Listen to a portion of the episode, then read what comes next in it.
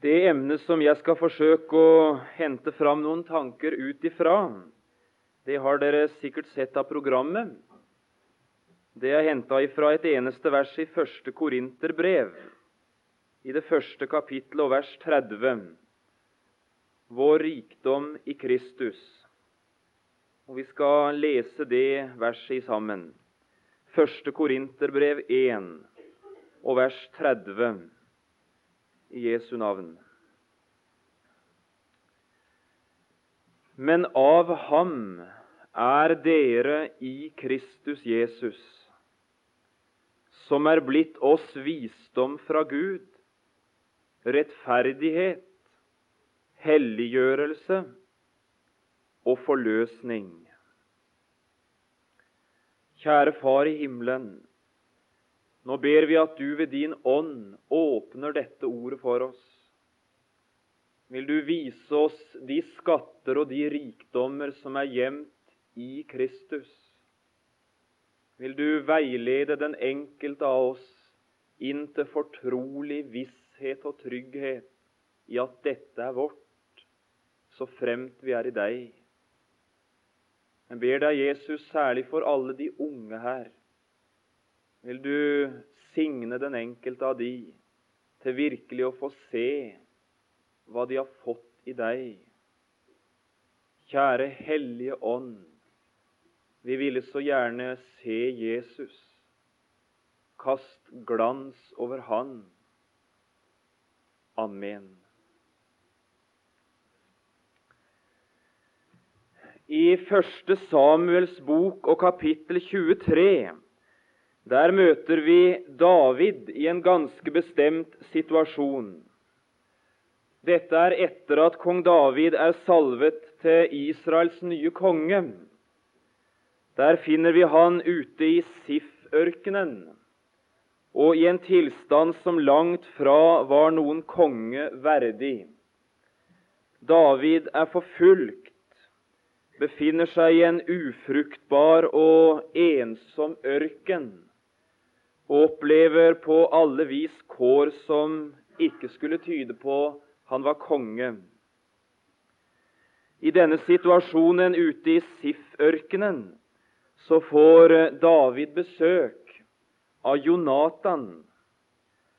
Og det er brukt et uttrykk om hva Jonatan møter David med der ute, som jeg gjerne ville løfte fram nå helt ifra begynnelsen.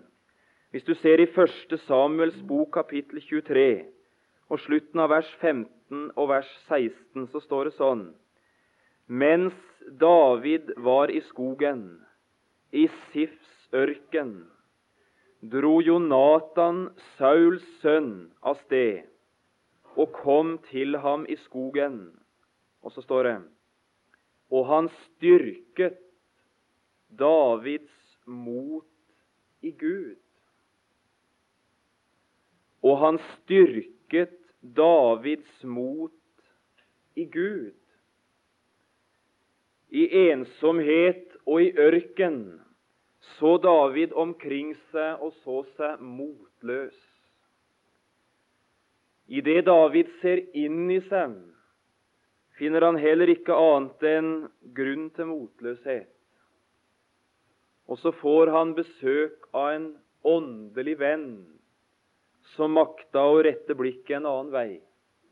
Ikke til ørken og tørke og ensomhet og omgivelser. Ikke inn i et sinn som var urolig og angstfylt og fryktsomt, men mot Gud. Og så rettes Davids blikk imot Herren, og så får han hvile i det han får se der. Og så styrker altså Jonatan Davids mot i Gud. Jeg skulle ønske det at disse fem timene vi skal stanse for rikdommen i Kristus, kunne formidle akkurat det. Vi lot være å se for mye omkring oss. Vi lot til og med være å se for mye inn i oss selv. Og så fikk vi rette vårt blikk mot Jesus, mot Han og så skulle alt som heter frimodighet, alt som heter visshet og glede, kanskje styrkes en liten grann. Ser vi omkring oss i denne verden, så er det så visst ikke mye å bli styrka av, glede av, frimodig av. Jeg vet bare én vei å få peke, og det er til hva du har fått i Kristus. Tenk om vi fikk glimt nettopp av det. Vi skal prøve å gjøre det sånn disse fem timene. Så sier jeg det rent praktisk med en gang. At vi tar uttrykk for uttrykk for oss i dette verset. Nå denne første timen så stanser vi for 'i Kristus Jesus'. Dette uttrykket som er så spesielt for Paulus. Og så tar vi det time for time slik det kommer. Visdom fra Gud, rettferdighet, helliggjørelse og forløsning. Jeg er ganske sikker på det at fikk vi fatt i noen av disse der sannhetene, så skulle kanskje også du og jeg i denne verdens ørken få oppleve at mot i Gud ble styrka lite grann. Her i dette første kapitlet av første Korinterbrev så skriver Paulus i slutten om spesielt to ting den ene hovedsaken som Paulus er opptatt med, og som han løfter fram, det er det budskapet som han har fått å gå med. Hemmeligheten i Paulus sitt liv, det er ganske sikkert kjent for hver eneste en av oss. Det var en frelser som møtte han, og som ikke bare kalte han og frelste han, men også ga han et budskap å gå med. Hvis du leser dette første kapitlet her i første Korinterbrev, så finner du en Paulus, en apostel, som bruker store ord, og som har store tanker om det budskapet han forkynner. Du møter ingen apostel som har store tanker om seg sjæl, som taler høylytt om sin nådegaveutrustning, eller som skriver veldige avhandlinger om sine resultat. Du møter en som er overvelda av én en eneste ting, av et budskap som var grenseløst stort. Du ser ifra vers 18 og utover ordet, ånd, korset. Og ned i vers 23 vi forkynner Kristus korsfestet. Og i vers 24 vi forkynner Kristus, Guds kraft og Guds visdom. I verdens øyne så tok ikke det budskapet seg særlig ut. Ordet om korset det er en dårskap for den som går fortapt. Det er for jøder et anstøt. Det er for grekere en dårskap. I denne verdens øyne så tar ikke ordene om tømmermannssønnen, om en Jesus som led forbryterdøden, seg særlig ut. I verdens øyne lød ikke ord om en frelsesvei skrevet med ord noe særlig seg ut. Men for den som selv har møtt Gud, for den som selv fikk oppleve at evangeliet var en Guds kraft til frelse. Ordet om korset var virkelig veien til et nytt liv og til et ordna gudsforhold. Da er saken en annen. Ordet om korset, budskapet han ga oss, det er grenseløst stort. Det som er dårskap, det er visdom. Det som er svakhet i verden, det er styrke. Det som er en vanære for den fortapte, det er en ros for den som hører Herren til.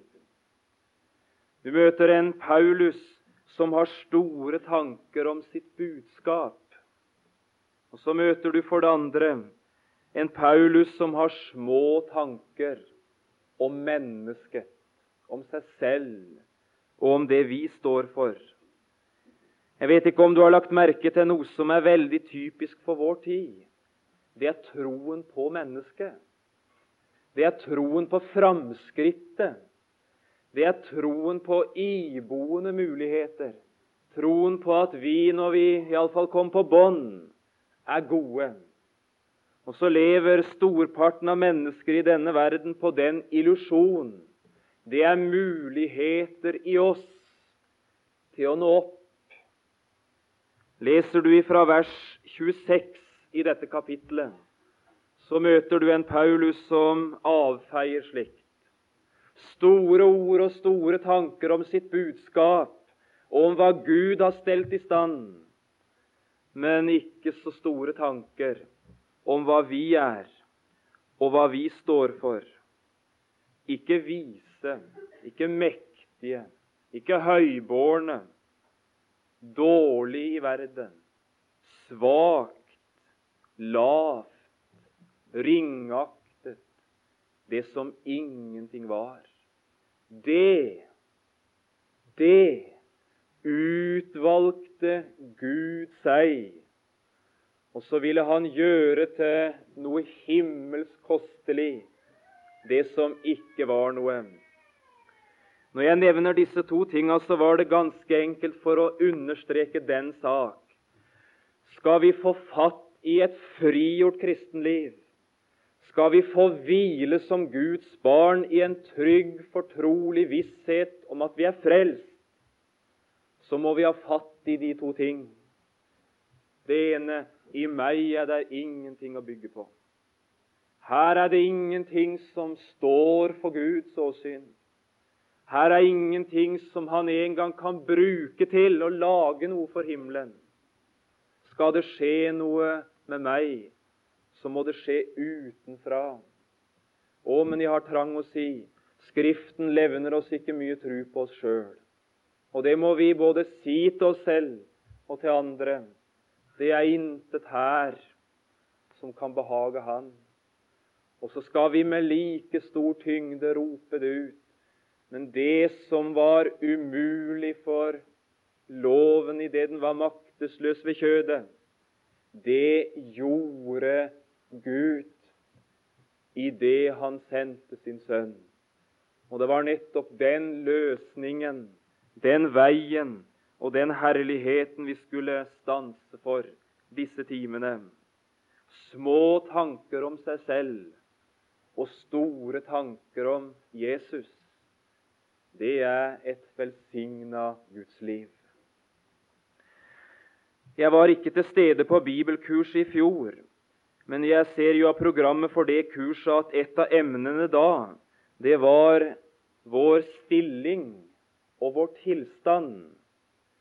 Og det er vel egentlig nokså nødvendig, sjøl om det var framme i fjor, å ta litt grann fram nettopp om det. For vi får ikke fatt i det frigjorte, det rike og det trygge Guds liv uten at vi får fatt i dette her. Og Nå har jeg lyst til å si særlig til dere unge dette her får vi fatt i det, så har vi fatt i en nøkkel som kan hjelpe oss inn til et stadig, et fortrolig og et trygt kristenliv. Det som kjennetegner oss unge, det er jo at det går sånn, ikke sant? Følelseslivet, særlig hos oss unge, det er på den måten her. Det er de brusende topper og de salige følelser og den veldige glede. Og så er det rett i bånn, hvor alt er dødt og alt er svart. Og det går liksom på denne måten. Det som er menneskelige kjennetegn, det overfører vi også på gudslivet. Og så blir ungdomstida og kristenliv og frelsesvisshet ofte sånn som det her.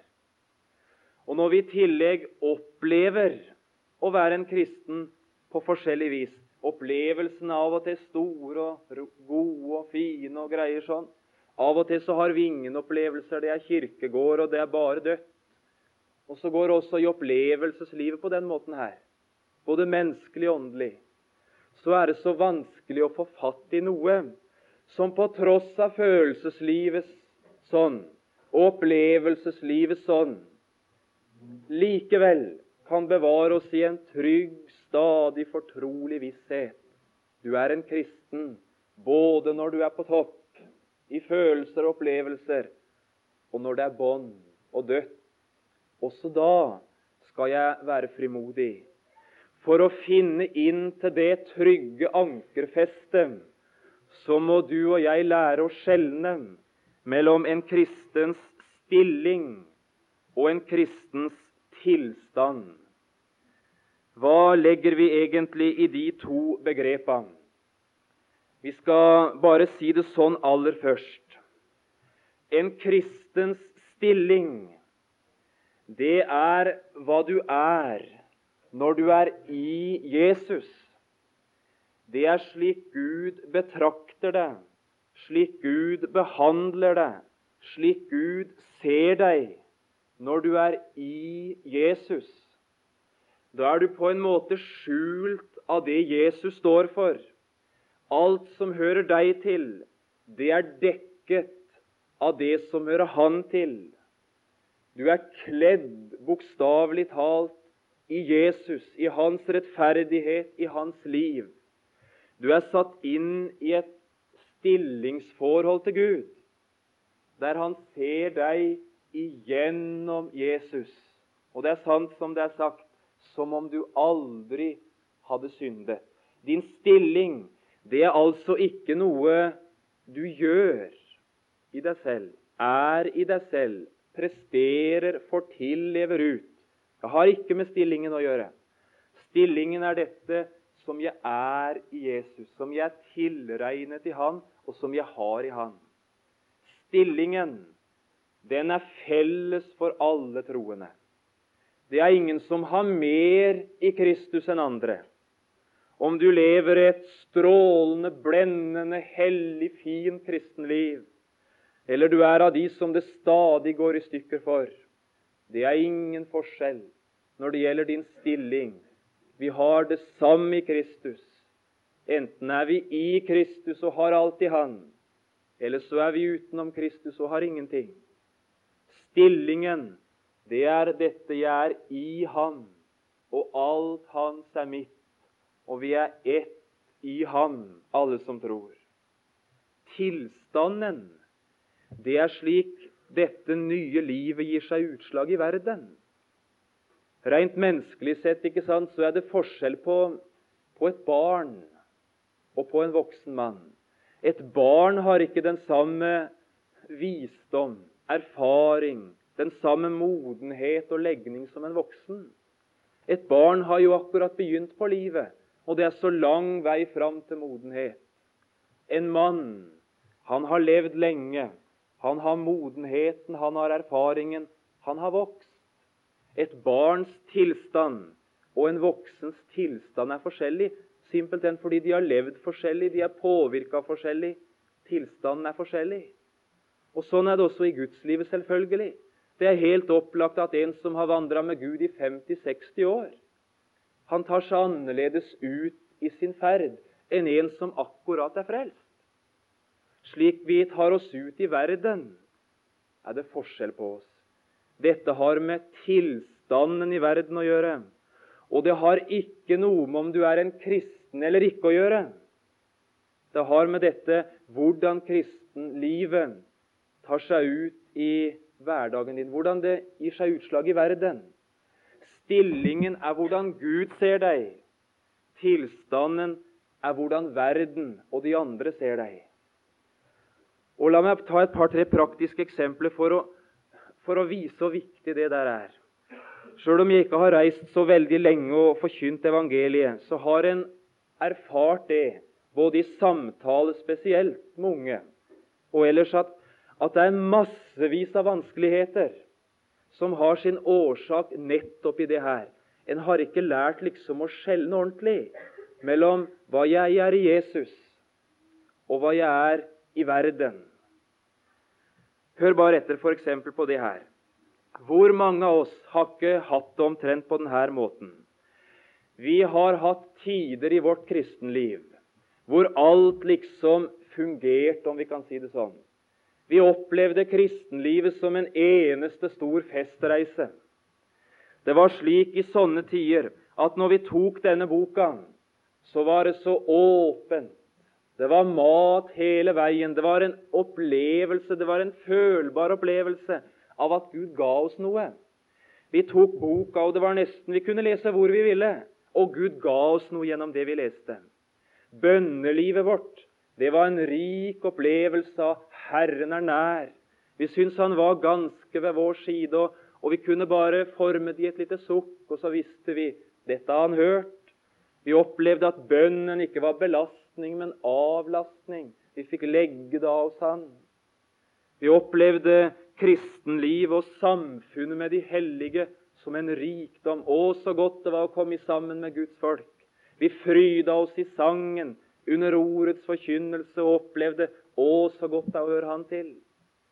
Kampen mot djevelen og fristelser og synd var kront med seier. Vi sleit ikke med de store nederlag i sånne perioder. Vi syntes vi levde så rikt og godt med Gud og så nært Han. Og så var det som djevelen mista noe av makten, liksom. Og fristelsene hadde ikke den samme forlokkende kraft som den ellers hadde. Og så var det en fryd å få tjene Gud. Tenk, vi skulle få gå og vitne om Han. Og så forsøkte vi som vi kunne å tjene Han. Og det var en glede å få tjene.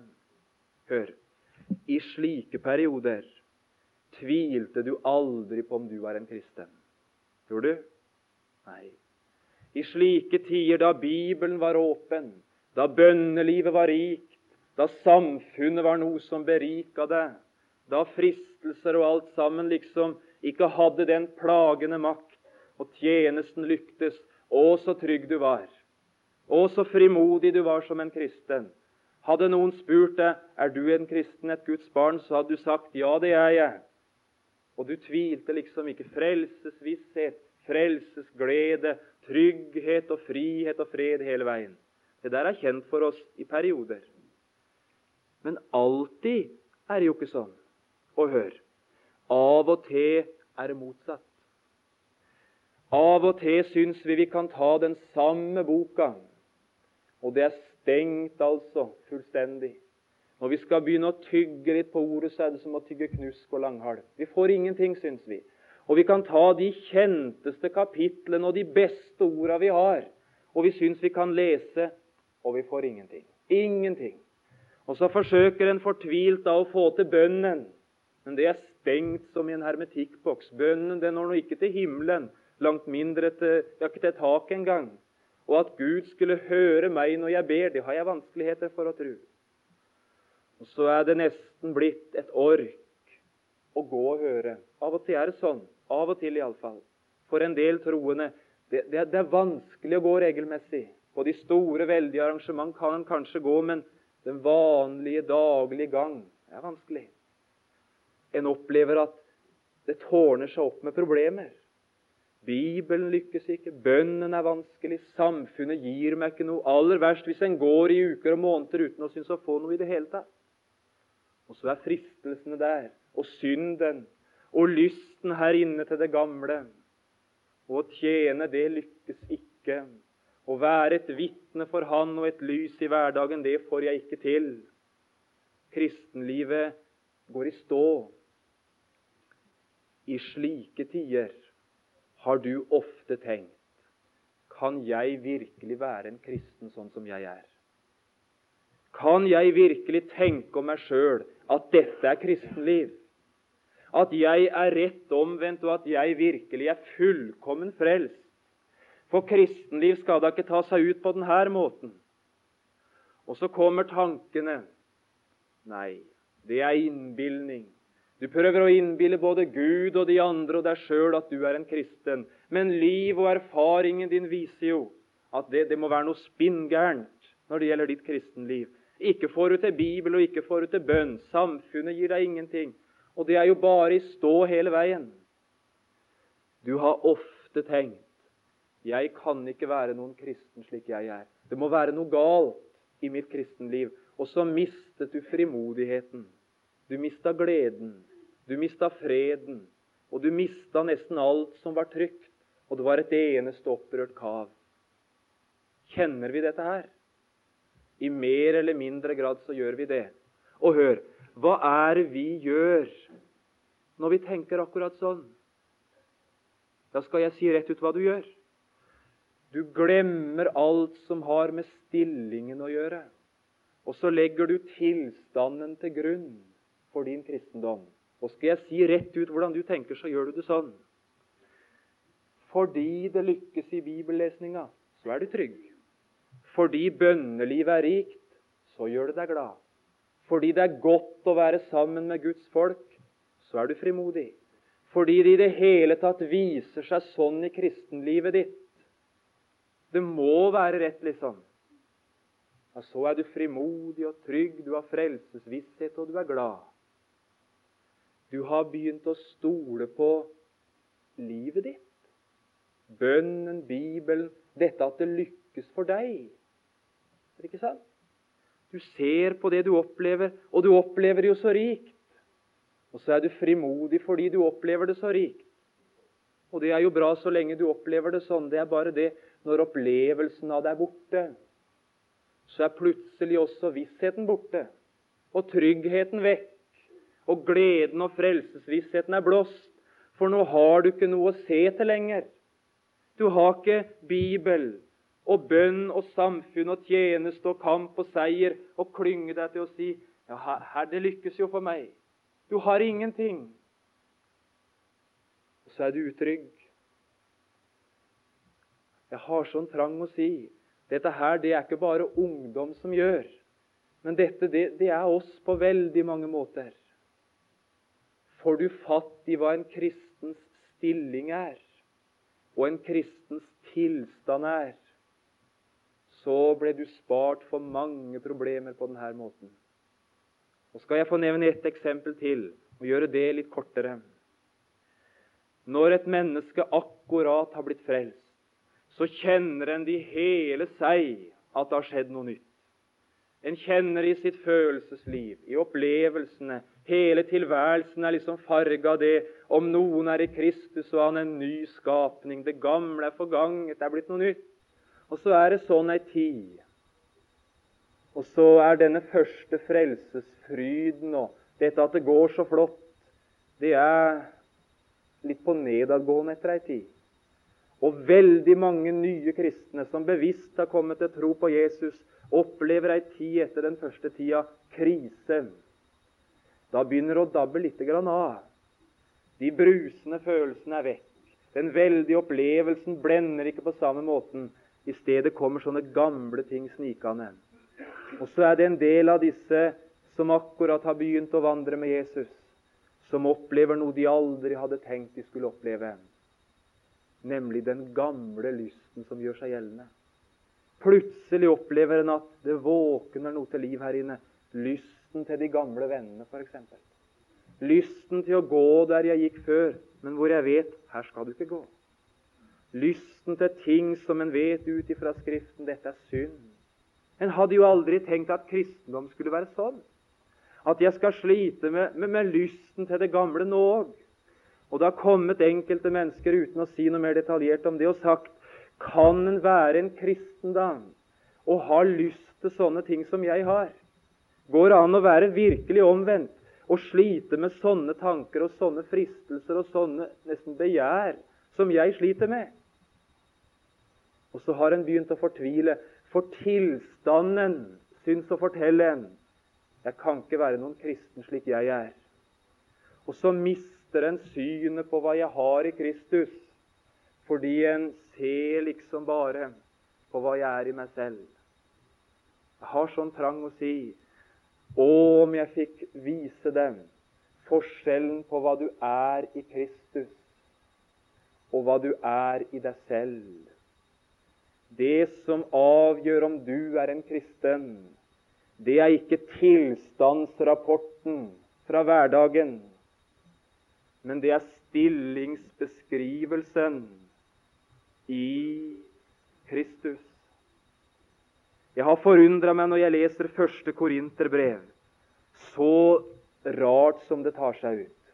Og La meg bare skildre hvordan dette brevet her har, har forundra meg. Hvis du ser i kapittel 1 og fra vers 4, så møter du en Paulus som eksemplarisk viser et sinn som de fleste av oss mangler.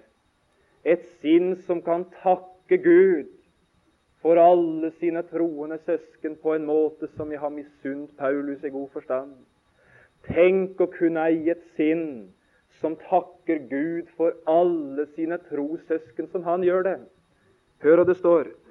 Jeg takker alltid min Gud for dere, for den Guds nåde som er dere gitt i Kristus Jesus, at dere i Han er gjort rike på alt. Og så kommer det nedover på all lære, på all kunnskap. Kristi vitnesbyrd er blitt rotfestet i dere, videre utover. En beskrivelse som vi skulle tenke Dette er jo en, en fullkommen menighet. Dette er jo mønstermenighet. Klart det går an å takke Gud for sånne. Men så begynner en å lese litt utover i brevet. Og så dukker det opp litt av hvert. Bare noen vers nede. Vers 11, f.eks. Det er av Kleos, nei, Kloes' folk blitt fortalt meg om dere, mine brødre. Så begynner det. Det er tretter iblant dere. Jeg mener dette at enhver av dere sier 'Jeg holder meg til Paulus, jeg til Apollos, jeg til Kefas, jeg til Kristus'. Og Så kommer han litt seinere et av de første kapitlene og begynner å snakke om da jeg kom til dere, så jeg hadde jo regna jeg kunne tale til dere som åndelig modne. Men da jeg kom, så fant jeg småbarn i Kristus. Jeg hadde tenkt nå skulle dere få fast føde og skikkelig kost, og så måtte jeg fram med melkeflaska. Dere tålte ikke annet enn melk. Det høres som hor iblant dere. Til og med den slags hor som de ikke snakker høyt om mellom hedningene. Én holder seg til sin fars hustru. Og så hører vi om rettssaker en troende bror stevner en annen troende bror for de versliges domstol. Skulle skamme dere. Og rot i nådegavelivet, og rot blant kvinnene. Og så kommer det nesten så det begynner å arte seg som en skjennepreken. Og jeg har av og til tenkt kan dette her stemme? Åssen kan du takke Gud, Paulus, for mennesker som sliter med kiv og med splid og med tretter og med rettssaker og med hor og med uorden og med all slags synd? Åssen kan du takke Gud for dem? Åssen kan dette her stemme? Og så hadde jeg jo ikke fått se. Det var stillingen, og så var det tilstanden. I kapittel 1 så skildrer Paulus sine troende søsken slik de er i Kristus. Det de har fått del i når de har kommet inn i samfunnet med Han. Stillingen var tross alt i orden enda. Og så takker han Gud for enhver som har funnet inn til stillingen som er i Kristus, og som er frelst ved det han har gjort. Og så begynner han ut ifra det å si dere som er adelsbarn, skulle leve et adelsliv.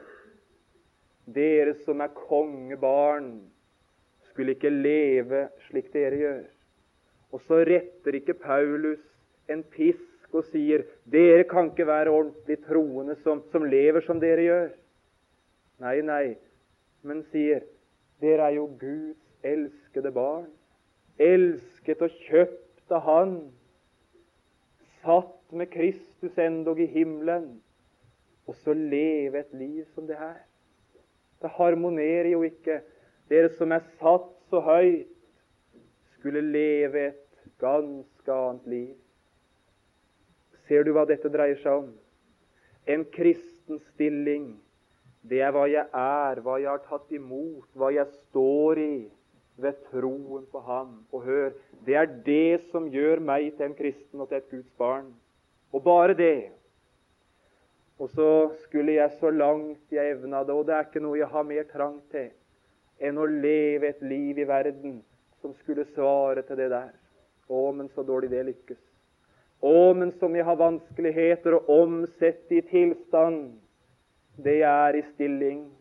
Å, så vanskelig det er for meg som er rein i Kristus, å leve et reint Guds liv. Å, så vanskelig det er for meg som er frikjent og rettferdig i Kristus, å leve et rettferdig liv i verden.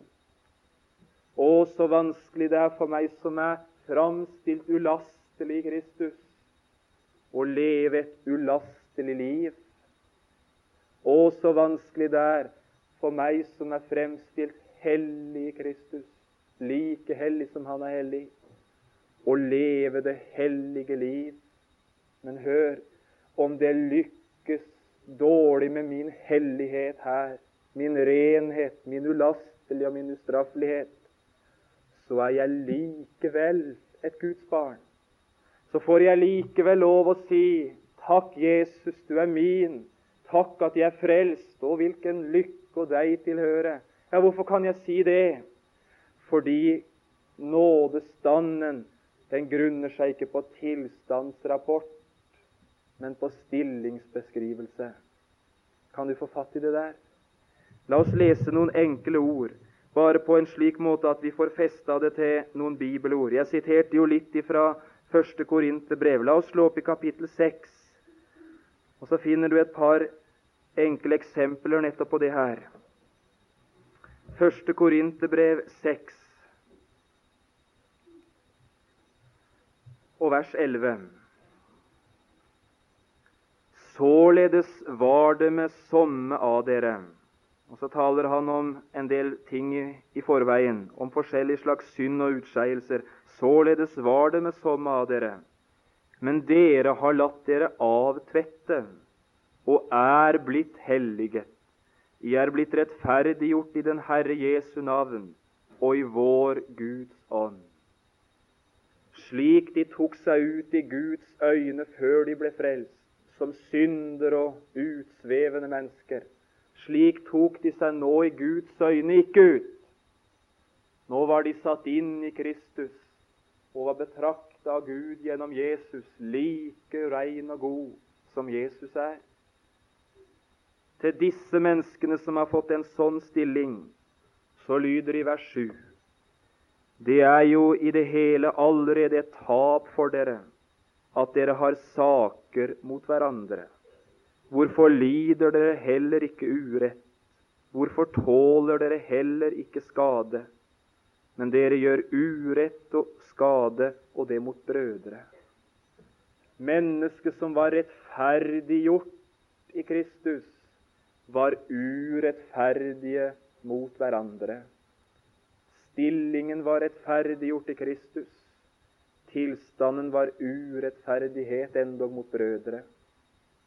Ser du forskjellen? Kan gjerne se også i vers 15. Vet dere ikke at eders legemer er Kristi lemmer? Det er stillingen. Satt inn i Kristus som et lem på hans legeme skal jeg da ta Kristi lemmer og gjøre dem til en skjøges lemmer? Tilstand. Skal jeg som er hellige til Kristus, alt mitt skal høre Han til, hellige Han, skal jeg vanhellige mitt liv ved hor? Tilstand. Ser du forskjellen? Og om du kunne få fatt i det der. Og La oss gjerne også lese fra Filipperbrevet, et av de klareste store når det gjelder dette her. Og Nå har jeg et lite ord å si om den nye bibeloversettelsen. Det er kanskje noen som sitter med den her. Du vil legge merke til at et av de to versene jeg nå leser, er oversatt på en annen måte enn jeg leser det. Og vet du hva grunnen er til det? Denne gamle oversettelsen som mange av oss bruker enda, den er oversatt etter det prinsipp som heter 'så langt det er mulig, ord for ord'. Oversatt. Mens den nye oversettelsen vi har fått, det er en saksoversettelse. Her har mennesker begynt å spørre hva mener egentlig han som har skrevet her? Og får vi fatt liksom i hva mener Paulus med dette her? Og så begynner bibeloversettelsere å skulle finne fram til hva han som har skrevet, mente. Og når de har funnet svaret på hva de tror han mente, så former de det på best mulig norsk.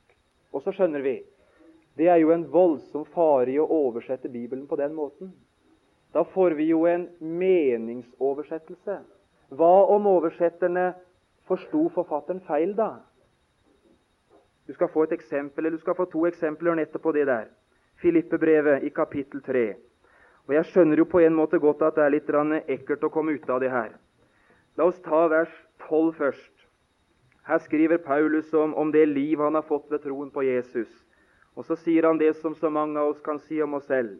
Ikke at jeg allerede har grepet det, eller allerede er fullkommen.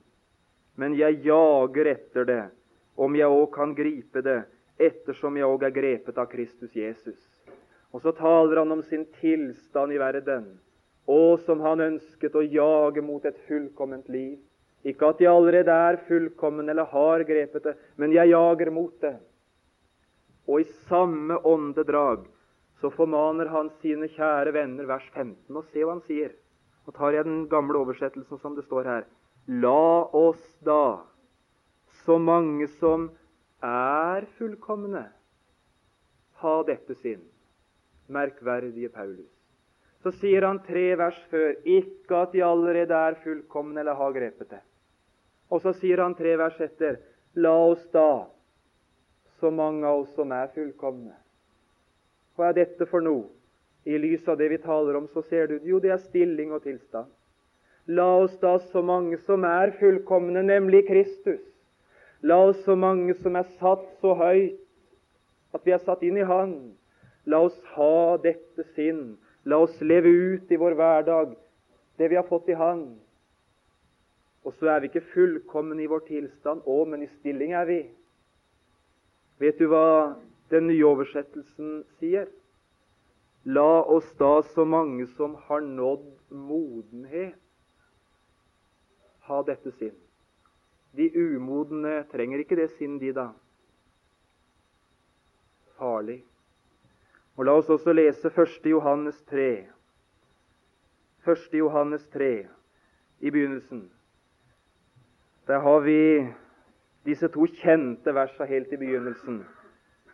Og Veldig mange som bruker disse ordene i Guds forsamling, de leser liksom vers 1 og vers 2, og så sier de ofte amen. Vi skulle gjerne ta med vers 3.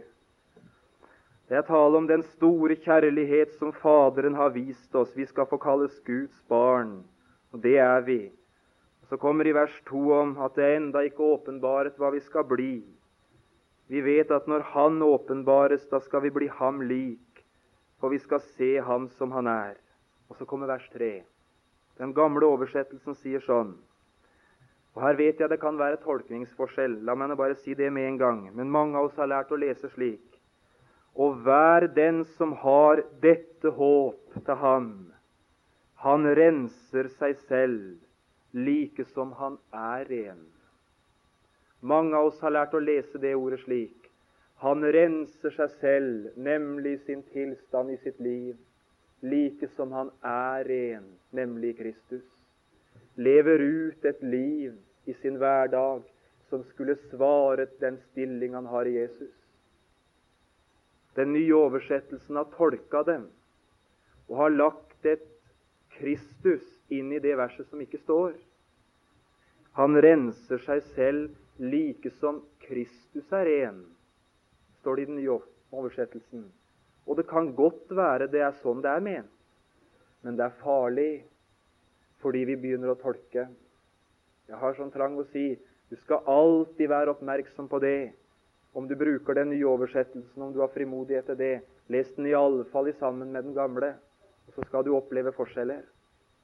Det kan godt være, det blir jo riktig, det òg, altså. Renser seg selv liksom Kristus er ren. Ja, det er høye idealer. Men det kan også sies han renser seg selv i sitt liv, liksom han er ren, nemlig Kristus. Stilling og tilstand. Hva er egentlig hemmeligheten med stilling og med tilstand? La meg bare sammenfattende nå mot slutten si det sånn. Når Gud skal føre et menneske inn i samfunn med seg, så begynner han først utenom mennesket. Og så steller han i stand et fullkomment verk som et fortapt menneske bare skal få ta imot. Og så er han frelst. Han kommer ikke med dette her. Nå skal vi ta en tilstandsprøve over ei tid. Og så får du nå se om du kan makte det der i livet ditt og leve slik jeg vil du skal leve. Og kan du klare det, ja, så skal du få nådestand og, og evig liv. Nei, nei. Ikke stilling som belønning for tilstand men stilling, og så en stille formaning. Lev nå slik som denne stillingen tilsier du skal leve. Jeg hadde veldige problemer med Romerbrevet 8.3. Det må jeg si, og det er sikkert mange av dere unge som har det òg. Det er jo sånn opphopning av uttrykk. Jeg skal bare prøve å ta fram det uttrykket, for det syns jeg løsna så for meg når jeg fikk se et bilde en gang. Der står jo nettopp det Gud ordnet i Kristus. Det lyder sånn fra begynnelsen i Romeren 8. Så er det da ingen fordømmelse for den som er i Kristus Jesus. Herlige sannhet. For livets ånds lov har i Kristus Jesus frigjort meg fra syndens og dødens lov. Det var jo også litt vanskelig. Men så kom det som jeg som litt mindre ikke skjønte det plukka. Jeg satt hjemme på bedehuset på Notodden og hørte de gamle. Og så siterte de vers 1 og vers 2, og så kom de til vers 3, og så leste de omtrent sånn.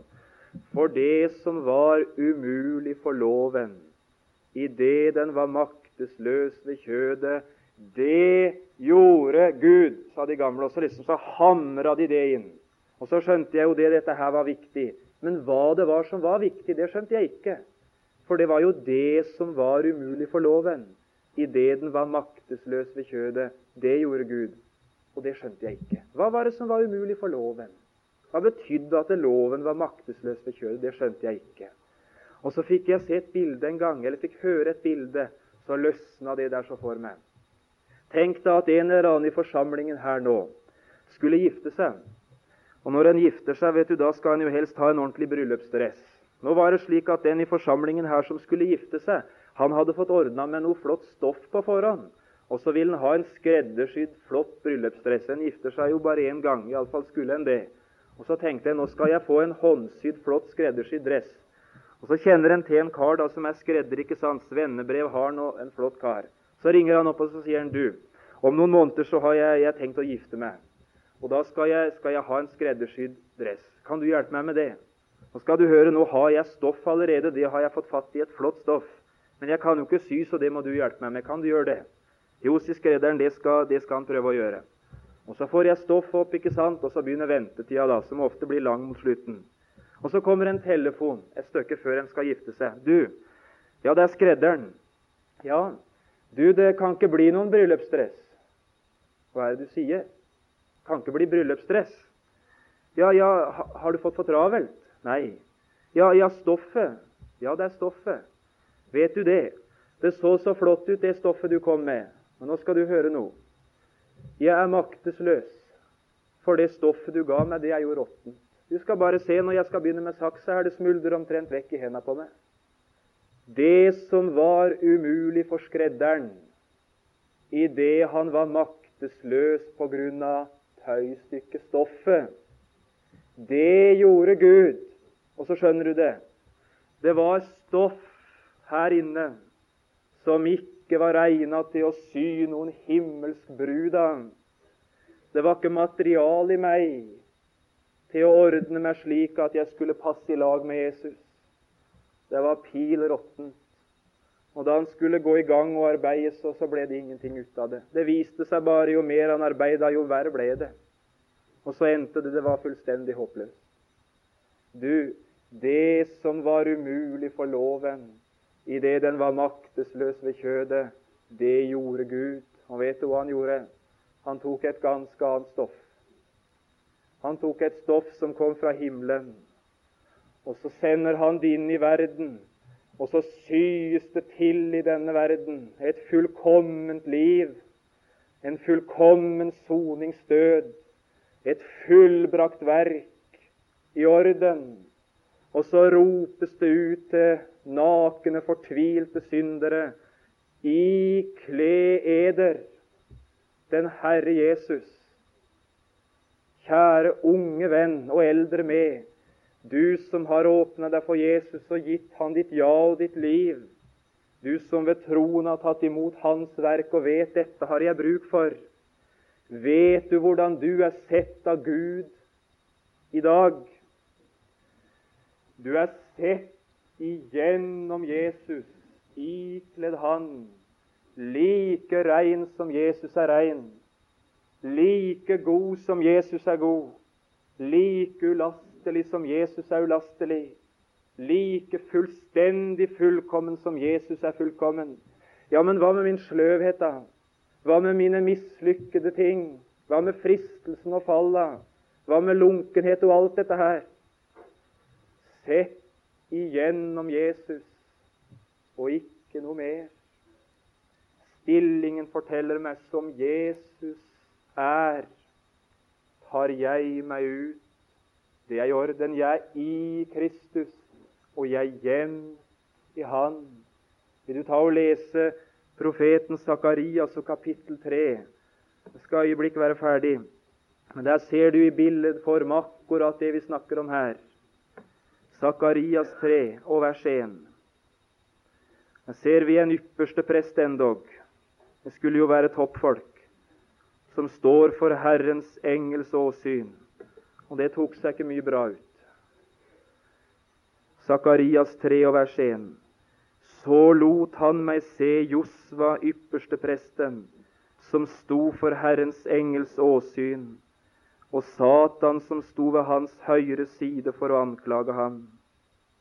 Men Herren sa til Satan, Herren refse deg, Satan. Herren refse deg, han som har utvalgt Jerusalem. Er ikke denne mann en rykende brann revet ut av ilden? Det var ei hånd som hadde grepet inn. Og hør nå i vers 3. Men Josva var kledd i skitne klær, der han sto for engelens åsyn. Og her ser jeg synderen ført inn i lyset fra himmelen. Å, det er skitt. Det er elendighet. Tar seg ikke mye ut. Men engelen, Herrens engel, det er Herren selv, tok til ordet og sa til dem som sto foran ham, ta de skitne klær av ham. Og til ham selv sa han, se, jeg tar din misgjerning bort fra deg og kler deg i høytidsklær. Dette er stillingen, troende venner. Ta de skitne klær av ham. Stell nå litt med han John Hardang, og få vekk de 27 år med eget liv og med synd og med skitt. Få det vekk, og kle han i Sønnen. Kle han i det Jesus står for, og la han få være skjult der. Stillingen, det er i orden ved det Jesus står for og bare det. Vil du tenke sånn neste gang det går galt for deg? Å, så godt at det ikke gikk galt for han. Neste gang du skitner deg til. Å, men så godt at han er rein. Neste gang du vet du fortjener straff. Å, så godt at han var ustraffelig. Neste gang du er fortvilt over deg selv, se deg fornøyd på Han i Kristus. Og så slutter vi denne timen ved å lese Kolossebrevet 3. Her har du hele sammenhengen mellom stillingen og tilstanden. Og Her kommer det så krystallklart fram. Dette er nemlig ingen sovepute. Dette her fører ikke til skjødesløst kristenliv eller til søvn. Det skal vi ganske sikkert få høre mer om når vi skal høre om nådens makt. Kolossebrevet 3, og vers 1. Hør nå. Er dere da oppreist med Kristus, til og med satt med Han i himmelen, stillingen, da søk det som er der oppe, der Kristus sitter ved Guds høyre hånd. La eders hu stå til det som er der oppe, ikke til det som er på jorden. Tilstand, stillingen, er oppreist med Kristus. Tilstand. Søk det som er der oppe. Jag mot det himmelske. Og ser du i vers 3 I er jo død, og eders liv er skjult med Kristus i Gud. Å, men så godt. Da Jesus døde, så døde jeg. Da han tok straffen, så var det min straff. Jeg er ett med han i hans død. Mitt liv, mitt liv, det er skjult med Kristus i Gud. Det er gjemt for Han. Stillingen. Vers 5. Så død da. Så kommer tilstanden. Virkeliggjør nå i det du lever et liv der det nye mennesket får vokse, og det gamle mennesket dødes. Tilstand. Men av Ham er dere i Kristus Jesus. Og Hadde vi hatt litt mer tid, så skulle vi løfta fram hva det rent praktisk betyr, men det rekker jeg ikke i denne timen. Tenk, jeg er i Kristus. Alt hans er mitt, fordi alt mitt ble hans. Og så er stillingen min i Han fullkommen ved det Jesus gjorde. Og så fødes der en trang. Å, om jeg kunne leve et liv i min hverdag som svarte til dette her. Om jeg kunne leve et rein, ulastelig, godt liv til beste både for mine medsøsken og for de som ikke kjenner Jesus. Å, om min tilstand kunne harmonere med min stilling. Kjære Far i himmelen, vil du hjelpe oss med disse ting? Og vi ber deg for alle de unge som sitter her. Vil du stille og enkelt åpenbare for deres hjerter hva de har fått i Jesus? Og om de fikk feste sitt blikk på deg, du som er rein, som er fullkommen, rettferdig, ulastelig god. At de fikk se at dette er jo mitt. Det er jo slik jeg er i Han. Og om de fikk hvile der, Jesus. Og så får du hjelpe oss som har denne høye stilling og stand, at vi lever vårt hverdagsliv og vårt gudsliv i verden på en slik måte at det kunne ære Faderen. Å, men vi har trang Jesus å be om kraft og vilje og nåde til å leve et liv ut som kunne svare til vår stilling. Hjelp oss med det ved din ånd. Amen.